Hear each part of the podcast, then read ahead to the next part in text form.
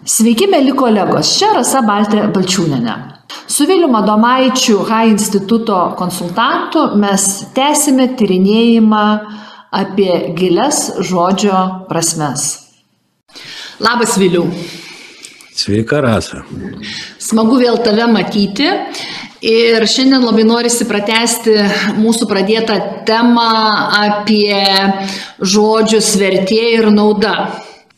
Gal šiek tiek dar grįžtant į praeitą laidą rezumuojant, norisi priminti, kad e, žodžio reikšmės žinojimas leidžia savo veiklą organizuoti produktyviau. Geriau gauti rezultatas. Tai vad grįžtant prie žodžių nauda ir vertė, turbūt e, gal mes ir nepaminėjome mano kartą, kad kaip žmogus matuoja vieną ir kitą dalyką. Tai naudą žmogus matuoja protų.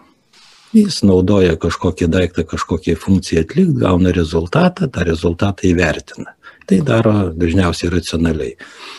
Kai tuo tarpu vertę žmogus matuoja jausmu. Juk negalvoja, ar aš esu sotus, ar aš esu alkanas. Jaučiuosi sotus, ar jaučiuosi alkanas. Aš negalvoju, kad man dabar yra gerai. Tiesiog man yra gerai, turiu energijos, turiu norą kažką daryti arba neturiu. Tai va čia yra ta skiriamasis dalykas, kad e, naudą mes matuojam protu, o vertę matuojam jausmu. Ir pažodis vertė, jeigu įsiklausyti lietuvių kalbą, reiškia mes kažką tai verčiame. Vertę mes gaunam versdami arba tai susijęs su vertimo procesu. Pavyzdžiui, pinigus galiu paversti į nekilnojamą turtą arba nekilnojamą turtą galiu paversti į pinigus. Arba obolį galiu paversti į savo organizmo nu, medžiagą, struktūrą ir taip toliau.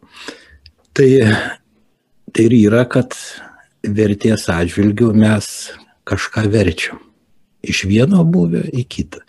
Ir tiek, kiek mus liečia asmeniškai, tai mums turbūt labiausiai rūpi, į ką mes viduje paverčiam. Va, ir čia, čia iškyla tokia mintis e, pakalbėti apie dar vieną temą, tai laisvą laiką. Ir ką mes paverčiam savo laisvą laiką? E, laisvą laiką mes toj paliesim, bet dar noriu grįžti prie vertės ir naudos. Pagal kokius kriterijus mes galim atskirti, ar tai yra vertė, ar tai yra nauda. Ir man, man patiko, kad mes tarpusavį kalbėdami palėtėm, kad naudos kriterijus tai yra rezultatas, jis yra matomas išorėje, o vertės kriterijus jis yra vidinis, tai yra integrali energetinė būsena ir kur žmogus ją gali pasimatuoti labai subjektyviai.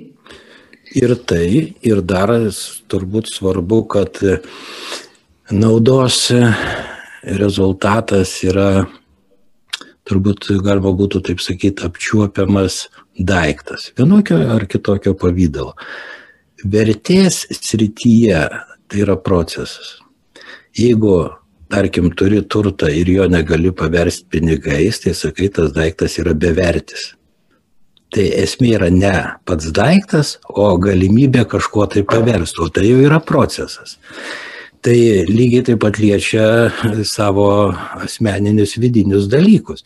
Jeigu tai, ką aš manau, kad man yra vertinga kaip žmogui, ką aš įleidžiu į vidų, tai tada irgi kyla klausimas, į ką aš tai galiu paversti. Na, jeigu, pavyzdžiui, esu sotus, tai galiu paversti į aktyvesnį darbą, į aktyvesnį procesą, jeigu aš viduje gaunu kažkokios naujos vertingos informacijos, aš jas paverčiu į savo idėjas ir vėl kažkokius veiksmus, kuriuos galiu daryti naujai arba kitaip, ar ko anksčiau nedariau. Jeigu aš gaunu kažkokios vertingos dvasinės patirties, tai aš tai galiu paversti savo ramesnę, labiau subalansuotą būseną ir atitinkamai veikti toliau tą, ką veikiu. Tai va čia irgi tie įdomus aspektai, kad nauda, sakyčiau taip, nu, gal ne, ne super jau labai giliai filosofiškai, bet yra daugiau orientuota į tą išorinį ir į daiktą, kai tuo tarpu vertė e, mums atspindi proceso galimybę kad tai, ką aš gaunu, galiu į kažką paversti. O tai iš esmės yra galima sakyti, vidinis augimas. Jeigu aš galiu kažką paversti viduje į dar daugiau veikdamas, tai, tai yra procesas, tai yra augimas. E, kokios yra strategijos geros vienu ir kitu atveju? Mes truputėlį apie tai buvom, buvom tarpusavį kalbėję, e, kad, kad nauda mes matuojame efektyvumu, kuo greičiau matyti geresnį rezultatą išorėje. O kaip yra su verte? Jeigu jinai rezultatas yra viduje. Atvirai pasakęs, ši yra tokia turbūt universalesnė problema, nes iš tikrųjų e, naudos dalykai akivaizdesni, lengviau matuojami ir aiškesni kriterijai.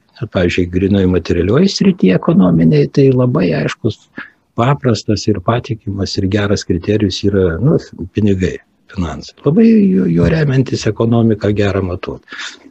E, vidiniuose dalykuose tai ir yra visų pirma, kad e, dažnai žmonės neturi kriterijos. O dar blogiau, kad ypač šiais laikais net ir nebematuoja. Kai kalbam apie kritikuoja e, tą būseną ir vadina ją vartotojišką visuomenę arba besaikis vartojimas ar panašiai, tai juk blogybė ne pats vartojimas. Vartojimas arba vertimas vieną į kitą, tai mūsų kiekviena lastelė gauna medžiagas, jis jas paverčia į kažką ir kas nereikalinga atiduoda. Tai tas vertimas arba vartojimas, tai čia yra gyvybės principas. Bet kai tas procesas vyksta be kriterijaus, be vidinio kriterijaus, reiškia, vartojimas be kriterijaus išvirsta į, ir į chaosą tam tikrą, ir į ekonominių resursų švaistimą, ir didelis klaustukas tada lieka, ką aš iš, iš esmės gaunu savo.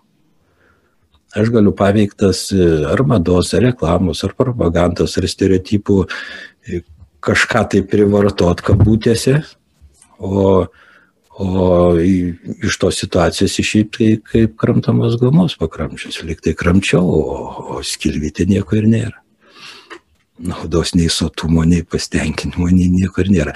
Tai va čia mes prieinam prie tokių pakankamai rimtų, rimtų situacijų, kai mes nemasom apie kriterijų.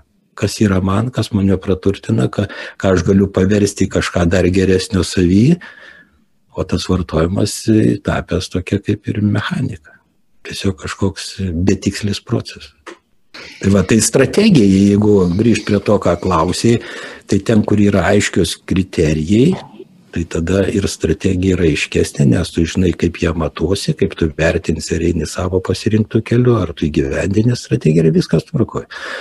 Tai tose situacijos, kur kriterijaus nėra, tai apie kokią strategiją galima kalbėti, jeigu net nėra tos galbūt vidinės kultūros ar noro matuotos dalykus. E, man iš mūsų pokalbių labai didžiulė vertė yra tame, kad aš gražinau į savo, savo kalbą žodį vartojimas. Iki tol man vartojimas, matyt, buvo labai e, tamprios sąsijos su naudojimu. Nu ir atrodė tas vat, naudojimas, visas, naudojimas, vartojimas, visi šioriniai dalykai. Ir kai mes su tavim pradėjom kalbėti apie tai, kad vertė yra tai, ką tu praturtini save iš vidaus, Ir tu tada labai aiškiai suvoki, kad be vartojimo žmogus iš principo negali gyventi. Tik tai yra klausimas, ar tu vartoji tuos dalykus, kuriuos praturtini tu save iš vidaus. Ir kaip su tavim kalbėjom, kad vartojimo, praturtinimo iš save iš vidaus išraiška tai yra integrali energetinė būsena. Tai kokia tada galėtų būti strategija siekti vis pilnesnės integralios būsenos? Visų pirma, tai čia yra visiškai paprasta ir aišku tu turi savį atkurt kriterijų. Tu savim matuoji, įprast. Aš neskau, kad žmonės visiškai nematuoja, bet mes, mes tokios, tokios e, plačiai įaugusios kultūros neturim pamatuok savimi. Ir tai, ir tai nebūtinai liečia kažkokius ten ekstra gyvenimo atvejus. Tu faktiškai kiekvienam žingsnį, kai tik tu kažką įsileidai į vidų, pradedant maistu, baigiant informaciją, vaizdiniais, e, kultūriniais, estetiniais pergyvenimais ir bet ką, netgi kito žmogaus buvimą šalia savęs, visais atvejais įsileidžiant, tu turi matuoti savimi. Tai yra man ar ne man. Man tai tinka ar netinka, man rezonuoja ar nerezonuoja. Aš po to jaučiuosi geriau ar po to jaučiuosi blogiau. Tai mūsų ta racionalioji vakarų kultūra na, yra ganėtinai susilpninusi šitą žmogaus įprotį ar poreikį, ar net sakyčiau prigimties dalį pasimatuoti savim. Tai va, tai tą reiktų, kalbant apie tas visas strategijas, visų pirma savo susigražinti savo į asmeninį kriterijų.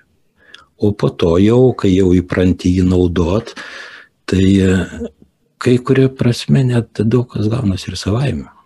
Aš pats esu gal dešimt metų taikau vidinį kriterijų taip labai samoningai taikiau maisto srity, kadangi to srity dirbau ir ekonominė prasme.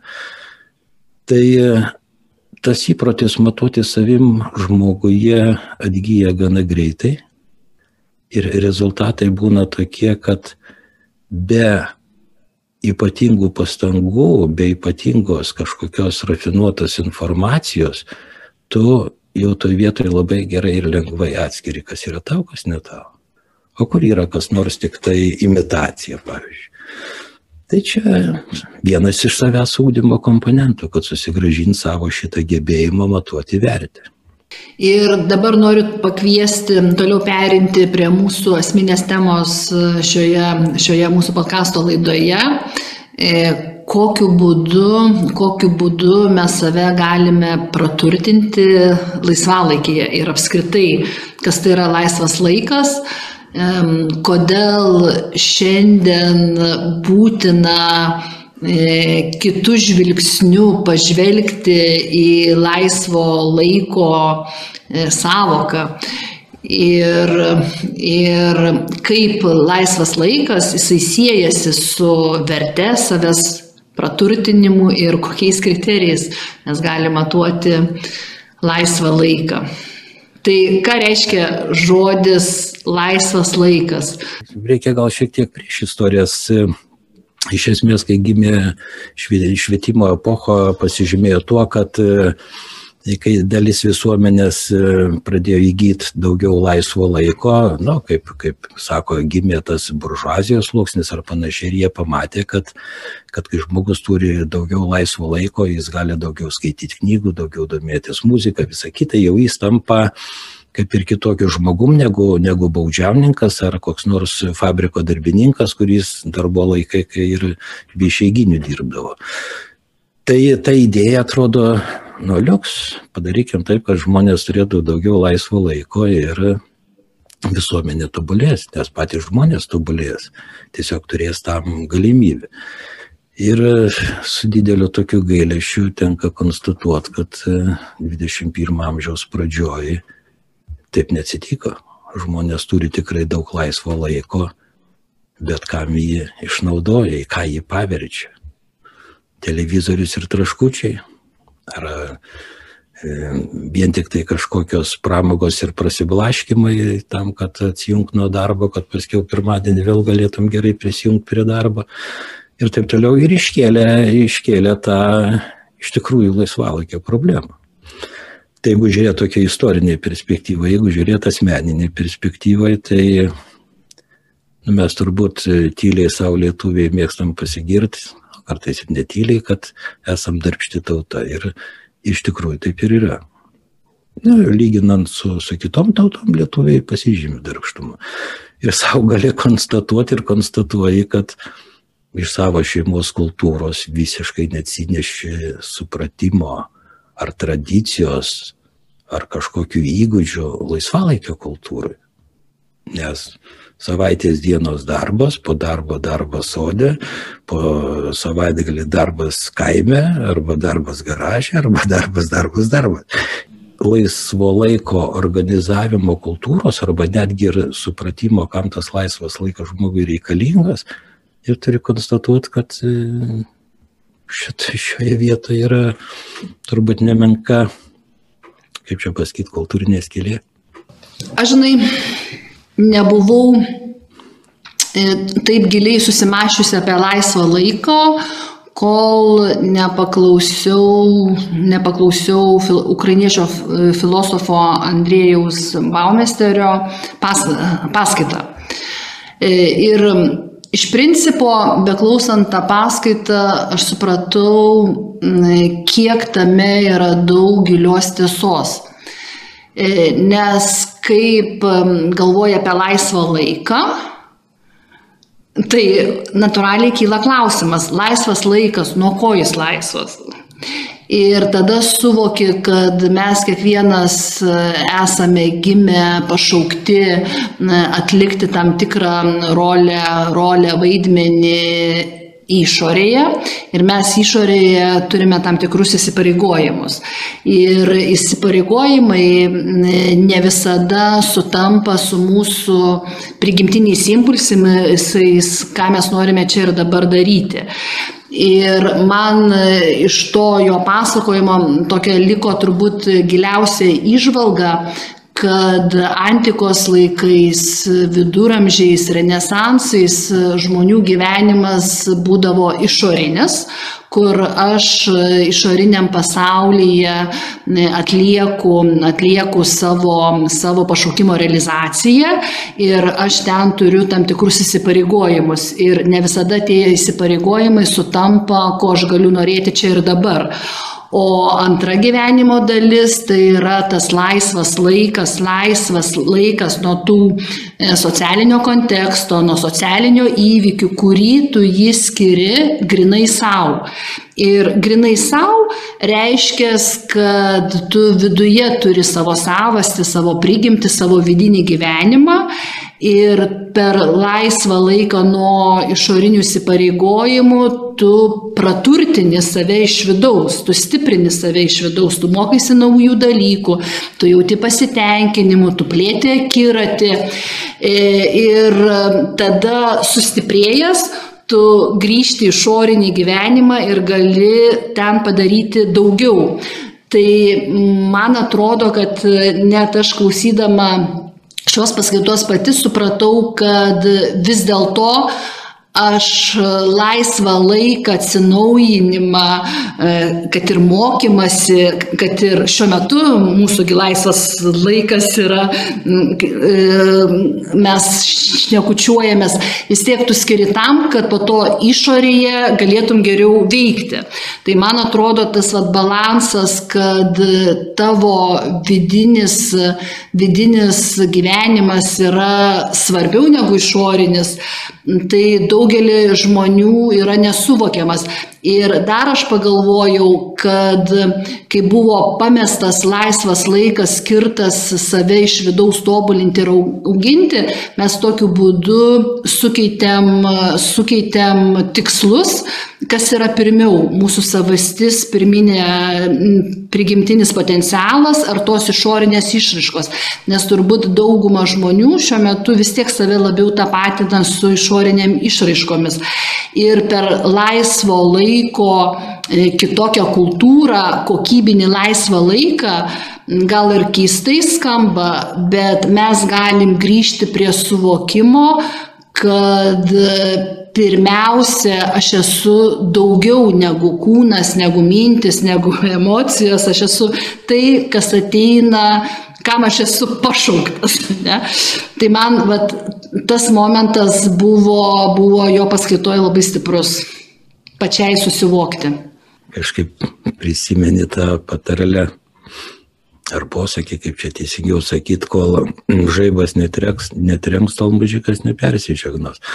Tai atrodo, mes jau turbūt, nu beveik jau šimtas metų žmonės, net nebūtinai aristokratai ir labai turtingi žmonės, bet jau žmonės turi, turi laisvo laiko tik to laisvo naudojime ir į ką jį paverčia, progresas buvo minimalus. Tai vad turbūt turi trenkti koks nors ten ka, ka, karūnos virusas su visais karantinais, kad priversti žmogų pagalvoti ne tik apie darbą, bet ir tą, vat, tegul per prievartą atsiradusi laisvą laiką ir ką jį galima išversti.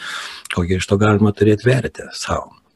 Tai toks kartais ir būna, turbūt atrodė krizė, krizė, bet tiesiog e, pats gyvenimas žmogus stumteli, jis ne į tą pusę nusigribauja. Tai stumteli teisingą vagą atgal.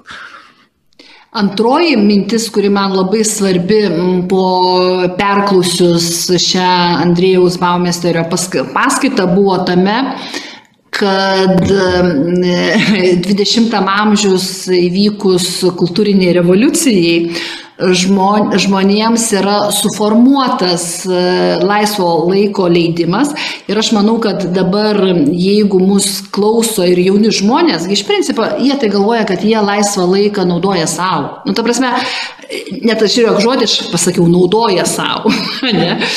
kad laisvą laiką jie vartoja savo ir jie mano, kad, nu ir jie, ir nebūtinai jie, kiti žmonės, e, vis tiek mes matom, manom, kad per laisvą laiką kad mes stiprinam save. Bet iš tikrųjų e, kultūrinė revoliucija, jinai suformavo šablonus, šablonus, ką mes turime per laisvą laiką veikti, kur važiuoti, kuo užsimti, e, vienokios mados gyvenimo būdo, kitokios mados gyvenimo būdo. Ir matyt, čia tas ateina svarbus klausimas, kaip mes kalbam apie laisvą laiką, tai vis dėlto pagal kokius kriterijus susivokti, ar laisvas laikas jis buvo skirtas stiprinti tavo vidinį gyvenimą, ar laisvas laikas vis dėlto vis dėlto ir išliko savotiška iliuzija, kad tu laisvą laiką ale stiprini savo, savo vidį gyvenimą, bet iš tikrųjų tu aptarnauji tos išorės suformuotus šablonus. Faktiškai turbūt čia yra galima grįžti tai, nuo ko ir pradėjom.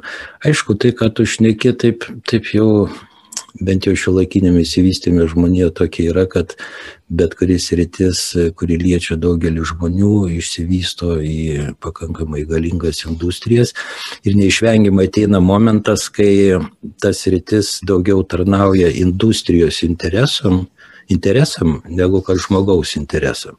Tai tas pats liečia ir laisvalaikio industrijas arba tą, nu, kaip įprasta vadinti, laisvas nuo darbo laikas, tai čia yra ištisa industrija, kuri, nu, kaip ir tu sakai, kuri ir stereotipus, ir, ir madas, ir, ir tam tikrus šablonus, ir, ir taip toliau, taip toliau, bet tai yra industrijos interesai, jie nori uždirbti, tai yra jų biznis. Kriterijus tas paslieka tau, kiek tu matuojasi savim. Tai jeigu mes norime suprasti e, laisvo laiko kaip gyvenimo reiškinio E, prasme. Matyt, e, mums dabar svarbu pabandyti su tavim panagrinėti, kaip atsiriamant į tam tikrus žodžius, mes galime suprasti, ką tai reiškia. Laisvas. Ką reiškia žodis laisvas? Žodis laisvas, kai iš, iš kur jis bebūtų kilęs, bet mes suprantam kaip e, tam tikrą ribų nebuvimą.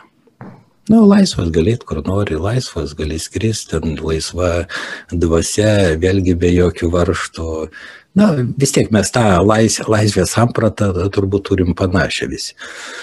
O laikas tai, kas prilaiko, kas laiko, kas tarsi tau neduoda būti visiškai laisvam. Galbūt net ir ta tokia labiau filosofinė prasme, kad tarsi užrakina tave kažkokiam periodui šio žemėje, šitam gyvenime. Tai sakytum, čia yra įdomi savotiškai prieš priešą. Laisvas, tai kas liktai be ribų, o laikas tai kas tave sulaiko. Galbūt e, va šitas prieštaravimas, kuris iš pirmo žvilgsnio atrodo kaip, nu, toks kažkoks iš tikrųjų keistas, galbūt e, apnuogina e, gilesnius dalykus, kad tu neturi laisvo laiko iš viso tu turi tau duotą laiką gyvenime, tiek kiek tau duota ir tavo tavo, matyt, paskirti šitoj žemėje tuo laiku pilnai gyvent. Gyvent, patirti, realizuoti, daryti, kaip sakant, veikti. Ir tas laisvas laikas arba e, tarsi laikas, kai aš galiu nieko neveikti, o tuščiai jį leisti, tai savotiškai gal ir nurodo, kad čia yra tik iliuzija, kad tokios prabangos mes neturim. Ir tą laiką, kurį tu nedirbi arba neturi įsipareigojimo kitiem, tai turbūt irgi nelabai gali tuščiai leisti. Vis tiek tu turi versti kažką. Ir, ir man dėl to čia aš ne, neturiu kažkokios gatavos ir tokios išbaigtos koncepcijos, bet iš tikrųjų labai verta susimastyti, ar pasakymas e, laisvai leisti laiką nėra sinonimas tuščiai leisti laiką. Šitoje esmėje. Klausiau, klausiau tavęs ir man atėjo mintis, kad laikas tai yra apibriešta, kad aš turiu tam tikrą apibrieštą, ne? Nu, apibrieštumą. Ne? O laisvas, kad nėra ribų. Tai iš principo tai yra laikas, kurį aš gali, galiu naudoti tam, kas gimsta iš mano vidaus. Nes kas gimsta iš vidaus, viduje ribų nėra. Ribas yra išorėje. Ir žiūrėk, kaip tada gražiai e, skamba viduje ribų mes neturime. Mesgi žinom, kad mūsų potencialas yra beribis ir kas yra viduje, tu negali sukišti į jokius penkių pojūčių e, rėmus. Tai reiškia, tai yra galimybė, kad iš mano vidaus gali gimti e, įvairiausios išraiškos. Tai ir gimsta tam tikra gyvenimo naujovė, įvairovė, tai, kas nėra, nėra apribota iš išorės ateinančiais stereotipais, ribomis. Ja. Žiūrėk, kaip čia, kaip čia gražiai mm, iš pokalbio gimsta mintis išvalgos, kurios galbūt ne filosofijos chrestomatijom, bet mum patiem. Ir tavęs beklausant man susiformulavo tokia mintis e, - laisvai leisti laiką, tai yra sinonimas kaip laiką leisti tuščiai. Bet laiką leisti vidiniai laisviai yra visiškai kitas dalykas. Laikas savo vidiniai laisviai. Laikas realizuoti vidiniai laisviai. Ir laisvai leisti laiką. Įsivaizduoju, jau tik koks skirtumas yra. Ir savotiškai net ir va ta mūsų, mūsų e, laidos tema ir yra tikrosios žodžio reikšmės, kad atrodo net ne, nebūdamas ten labai kažkoks profesionalus filosofas ar panašiai, kai truputėlį pradedi mąstyti apie, ką reiškia žodžiai, kaip gali keisti tavo elgseną. Ir vietoj to aš, pavyzdžiui, jeigu nusiteikimo laisvai leisti laiką, tai šį laiką galiu žiūrėti, tas laikas skirtas mano vidiniai laisviai realizuoti, kuri nėra pribota, kur ten gali viskas atsirasti, viskas gimti ir, ir, ir daug visokių dalykų. Tai koks skirtumas? Man dabar kita mintis ateina, e, tai man ateina dabar ta mintis, kad jeigu tai yra laikas skirtas vidiniai laisviai, tai vidinė laisvė jinai reiškiasi kaip jinai reiškėsi, jinai auga. Tai iš čia kyla, kyla ta mintis, kurį mes girdėjom pas e, Andriejų Baumesterį, kad tai yra savęs auginimas, kaip tu leidi reikštis vidiniai laisviai, tai tu ir augini save iš vidaus. Šitam kontekste dar irgi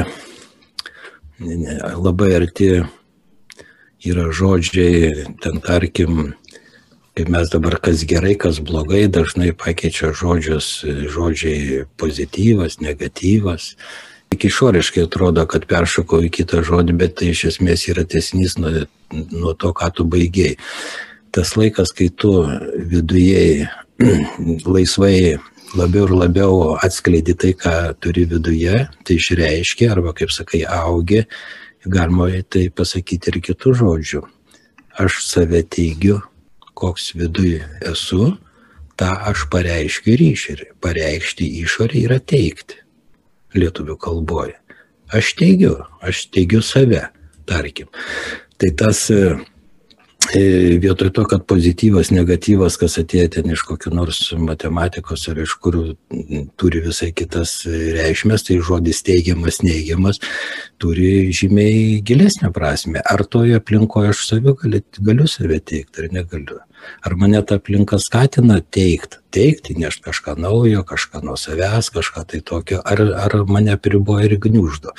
Ir tai vienas kaip iš Vėlgi galbūt net galima būtų pasakyti, kriterijus, tai kalbant apie tas vertės, tai kiek vienas ar kitas, reiškia, kad ir to laisva, laisvo laiko dalykas, aspektas leidžia man daugiau save teikti.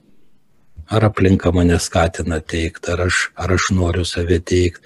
Tai yra, matom, irgi erdvės yra pakankamai didelios, net atrodo tokių paprastų, net ir tokių paprastų žodžių. Tai vat, tas pozityvas man iš tikrųjų žodis nieko nesako, išskyrus tas, tas, tas kaip jis vartojamas aplinkui, o žodis teikti yra labai susijęs su tuo, ką aš nekam. Ir susijęs giliai. Matyti, jeigu grįžti prie laisvo laiko ir teigiamos būsenos, neigiamos būsenos, tai apibendrinant, matyt, mes galim pasakyti, jeigu laisvas laikas skirti, yra skirtas reikštis vidiniai laisviai, arba save teikti, aukti. To rezultatas yra noras save teikti. Noras, noras gyvent, save noras. Save teikti. Noras daryti daugiau, Taip. noras būti didesniu, tai tada Taip. yra laisvas laikas teigiamai Teigiamas. praleistas. Teigiamai. Aš jau norėjau pasakyti pozityviai, bet taip save pagau teigiamai praleistas, nes tu save sukaupiai energijos savęs teigimui. O jeigu laisvų laiku neturi galimybės reikštis vidinį laisvę, tai tada laikas yra neigiamas, tada tu sumažėji. Laisvai praleidai galimybę sustiprinti save. Tas teikti, teikti save galbūt nereiktų suprasti, kaip galbūt kartais jaunimas šiais laikais sako, paskleidžiau žinutę. Kažkuria prasme tai irgi teiginys, paskleidžiau žinutę, kažką teigiau. Savęs teigimas tai yra asmeninis indėlis į viso pasaulio, viso, visų žmonių bendrą vystimąsi. Tai tas teigimas reiškia, aš kažką įnešu. Aš savo energijos, savo talentą, savo gebėjimų, savo kažką tai savo įnešu, o ne vien tik tai į dausas paleidžiu kažkokią žinutę, kad va, paleidau žinutę. Tai tas, tas teigimas savęs tam kontekste, kurį mes šnekam, tai jis betarpiškai susijęs yra su, su asmeninė energija. Kad tu savo energetinį intelį įneši.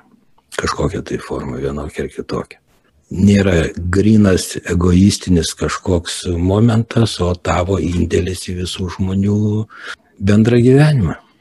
Galbūt šio laikmečio geras bruožas, kai net atrodo grįždamas prie paprastų dalykų ir, ir, ir apie tai kalbėdamas ten ne kaip nors profesional, profesionaliai, nei iš lingvisto pozicijų, nei iš grinųjų filosofo pozicijų, gali iš tikrųjų atrasti savo pačiam pakankamai tokių vertingų dalykų, kurie, kurie palaipsniui šiek tiek leidžia žiūrėti į save kitaip ir kitaip organizuoti savo gyvenimą. Ir tas vat, organi, kitaip organizuoti savo gyvenimą, aš manau, kad šita tema per artimiausius kelius metus bus labai svarbi, nes iš tikrųjų tie pokyčiai vykstantis už lango tiesiog sako, kad kažkaip reikės kitaip organizuoti. E, kviečiu tave pamastyti apie keli žodžius. Permaina, virsmas, pokytis. Žiūrėk, kaip yra įdomu pats žodis pokytis po kaitos. Taip, jau žiūrėk, pats žodis pokytis, žodėje pokytį, pokytis yra jau užkoduota, kad jau kaita įvyko. Tai man dabar viduje smagumas kyla, kaip mes sakom, norim pokyčio, pokytis tai yra įvykę, kaita tai yra įvykusi, tik mūsų sąmonė mes nematom, kas yra į ką pasikeitę. Tai norėti pokyčių yra labai paradoksalus įsiriškimas. E, o klausimas turėtų būti, kaip priimti, kas yra pasikeitę. Kaip priimti, kad e, esama verslo strategija yra nebefunkcionali, kaip priimti, kad E, tam pačiam klientų segmente e, naujų klientų neberasi. Tas klausimas, kaip priimti, čia psichologijos sfera, kodėl žmonės, didžioji dauguma žmonių ir bijo kaitos ir nenori jos priimti. Bet tai turbūt čia ne šios laidos tema į tą sferą lysti. O nežinau, man, man tai yra, aš net jį kartais vadinu tokiu kaip hygieninę normą, ar, ar kaip čia pavadinti tiksliau, dar neradau lietuviško žodžio. Jeigu nepriimsi pats, tai tau priims. Yra tokių dalykų, kur ar tu priešinsies ar nesipriešinsi, jeigu ne, nedarai tai, ką reikia daryti, už tave padarys. Ir dauguma mūsų, mūsų tokių krizių, jos ir yra apie tai. Nenorėjau priimti ir prisitaikyti, tai man išvirto tuo, kaip priėmė už mane ir aš tada turiu jau būti diskomforto, to nepatogioj būsena ir, ir kažką daryti ne visai iš savo norų pratesiant tą mano mintį su kaita ir kas yra po kaitos ir sujungiant su laisvu laiku. Žiūrėk, tai jeigu per laisvą laiką tavo reiškiasi vidinė laisvė, reiškiasi įvyko kažkokia tai kaita. Ir kai aš grįžtu į išorinį gyvenimą, tai pokytis jau yra įvykęs tai tada mes atrandame, kaip žodžiuose yra užkoduoti tikri gyvenimo reiškiniai, kad pokyčio tu negali norėti. Pokytis yra jau, jau pasiekmė to, kas įvyko tavo viduje. Jeigu tavo viduje įvyko augimas arba teigiama būsena, tai tu išorėje turėsi kokybinį pokytį. O jeigu tavo viduje įvyko neigimas ir tu susitraukiai, tai tu turėsi neigiamą pokytį. tai man dabar pačiai labai šnekant labai yra įdomu, kad iš tikrųjų pokytis yra pasiekmė. Ir tada norisi tave pakviesti, e, pamastyti, O kaip tada organizacijose? Organizacijose matyt analogiškai yra. Ir apskritai, o kas yra laisvas laikas organizacijoje? Gali būti laisvas laikas nuo tam tikrų įsipareigojimų. Aš manau, ne tai gali būti, bet ir yra. Mes turbūt ir Lietuvoje žinom pavyzdžių, kur, kur organizacijos vieną savaitės dieną skiria savo, kur tą dieną nevažinėja pas klientus, Ta prasme, tai lygiai taip pat kaip ir žmogui. Tai yra laikas, kurį gali skirti savo, savo vidiniai kūrybai, savo vidiniai būsenai, savo vidiniai energijai. Ir čia manau, kad e, netolimos ateities klausimas, kai organizacijos šito, šito suvoks plačiau, kiek tai svarbu pačiai organizacijai, jeigu jinai nori išlikti sveikesnė ir jeigu nori gebėti lengviau priimti pokyčius. O jeigu grįžti prie permainų, ką reiškia žodis permainos? Tai mainytis, keistis, tai turbūt yra praktiškai sinonimai. Kai kažką vieną keičia kažkas kitą, persimaino, na tai pakeičia pavydalą, pakeičia formą. E, keičiasi formos, jos turbūt yra matomos išorėje, ne, formų pasikeitimas. Kuo tada skiriasi nuo žodžio virsmas? Per, permainos yra, jeigu žiūrėtų truputį iš, iš, iš fizikinės pusės, tai yra tolydus procesai. Nu, pavyzdžiui, oro permainos. Nu, buvo ciklonas, atsirado anticiklonas, bet tai neįvyko per sekundę. Oro masės judėjo, paros ciklas vyko, temperatūros tolygiai keitėsi, tiesiog cikloną pakeitė anticiklonas ir vietoj lietaus mes matom saulutę. Tai yra permaina, oro permaina. Virsmas tai yra e, dalykas momentinis. Juk e, tu negali kaip žmogus pamatyti, kada vanduo pavirto į ledą. Taip, mes žinom, kad vanduo užšala prie nulio laipsnių, mes matom, kad ten ežeras po truputį pakraščiai užšala, ten kol visas užšala, ar upiai ledo lytis pradeda plaukti, bet patį tą momentą, kada vanduo pavirto ledu, mes nematom. ten mikroskopą pasidėjęs tą, tą momentą galėtum užfiksuoti. Bet tai yra momentinis dalykas, virsmas.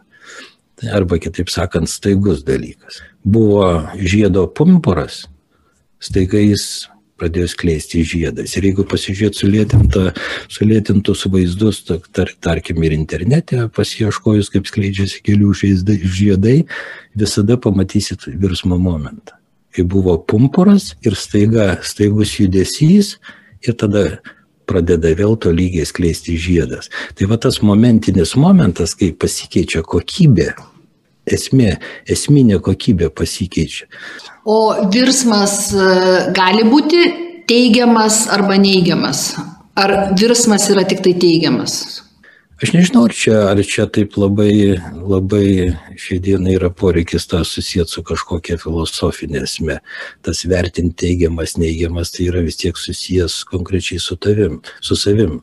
Ar su organizacija, ar su savim teigiu aš save ar neigiu taip sakant, tai yra vis tiek turi tam tikrą subjektyvumo elementą, o virsmas ar vanduo virto ledu, ar ledas virto vandeniu, tai, nu, tai čia sunku turbūt būtų pasakyti teigiamą ar neigiamą. E, aš kaip užduodu klausimą, aš matyt savyje iš karto žiūriu į praktinius, nu, praktinius veiksnius, ar ten žmogaus gyvenime, ar organizacijoje.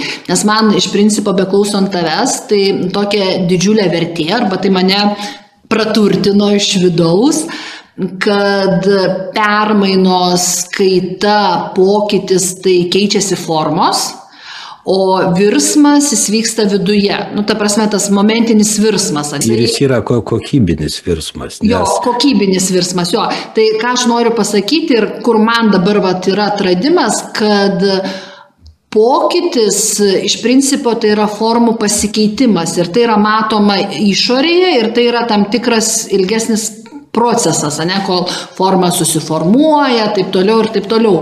O virsmas tai yra tas momentinis ir virsmas ir yra, ką mes bandome vadinti kokybiniais pokyčiais. Ir žinai, kas dar virsmo atveju yra įdomu, kas, kas atskiria nuo kitų tolydžių nu, procesų, kurie neturi trūkių, kurie taip palaipsniui vyksta. Virsmo momentas yra visiško neapibrieštumo momentas virsmą tu negali, mm, kaip čia pasakyti, jo yra esmė, kad jis gimsta visiškame neapibrieštume. Tarkim, temperatūra vandens mažėja ir tas e, e, pirmo kristalo susidarimas jis yra visiškai neapibrieštumo būsena. Jis dar gali išlikti vandeniu, bet jau gali būti pravirsti ledu ir tai gali priklausyti nuo kokios nors ten kristalizacijos centro, ten dalkelės ir panašiai. Reiškia, virsmas vyksta neapibrieštumo momentą. Ir tai praktiškai visų kokybinių pokyčių tokia lydinti dalis. Mes žmonės labai nemėgstam neapibrieštumo, bet kokybiniai pokyčiai vyksta visiško neapibrieštumo sąlygų. Čia yra įdomi virsmo dalis. Aišku, tas galbūt turi būti pribrendę, gal, gal, gal bręsta, bręsta viduje, užtenka to mažyčio, trikdžio, mažytės kibirkštėlės ar mažyčio šapelio, kad tas virsmas įvyktų, bet jo vis tiek reikia. Kaip reikia ir brendimo, taip reikia ir to, to momentinės neapibrieštos būsenos. Kas šimta procentų gali garantuoti, tas šapelis bus reikiamų momentų reikiamai vietoje, ir jo ten nebus reikiamų momentų reikiamai vietoje. Ar įvyks virsmas, ar neįvyks. Tai čia yra tave savotiškai žavesys, net kalbant apie vidinius pokyčius, apie vidinius virsmus. Turbūt kalbant apie virsmą, svarbiausia yra du momentai - pati istorija, pati brandimo fazė ir paskiau ta visiško neapibrieštumo fazė. O mes žmonės labai bijom neapibrieštumo. Tai su ta gaida ir baigim šiandien. Teigiama.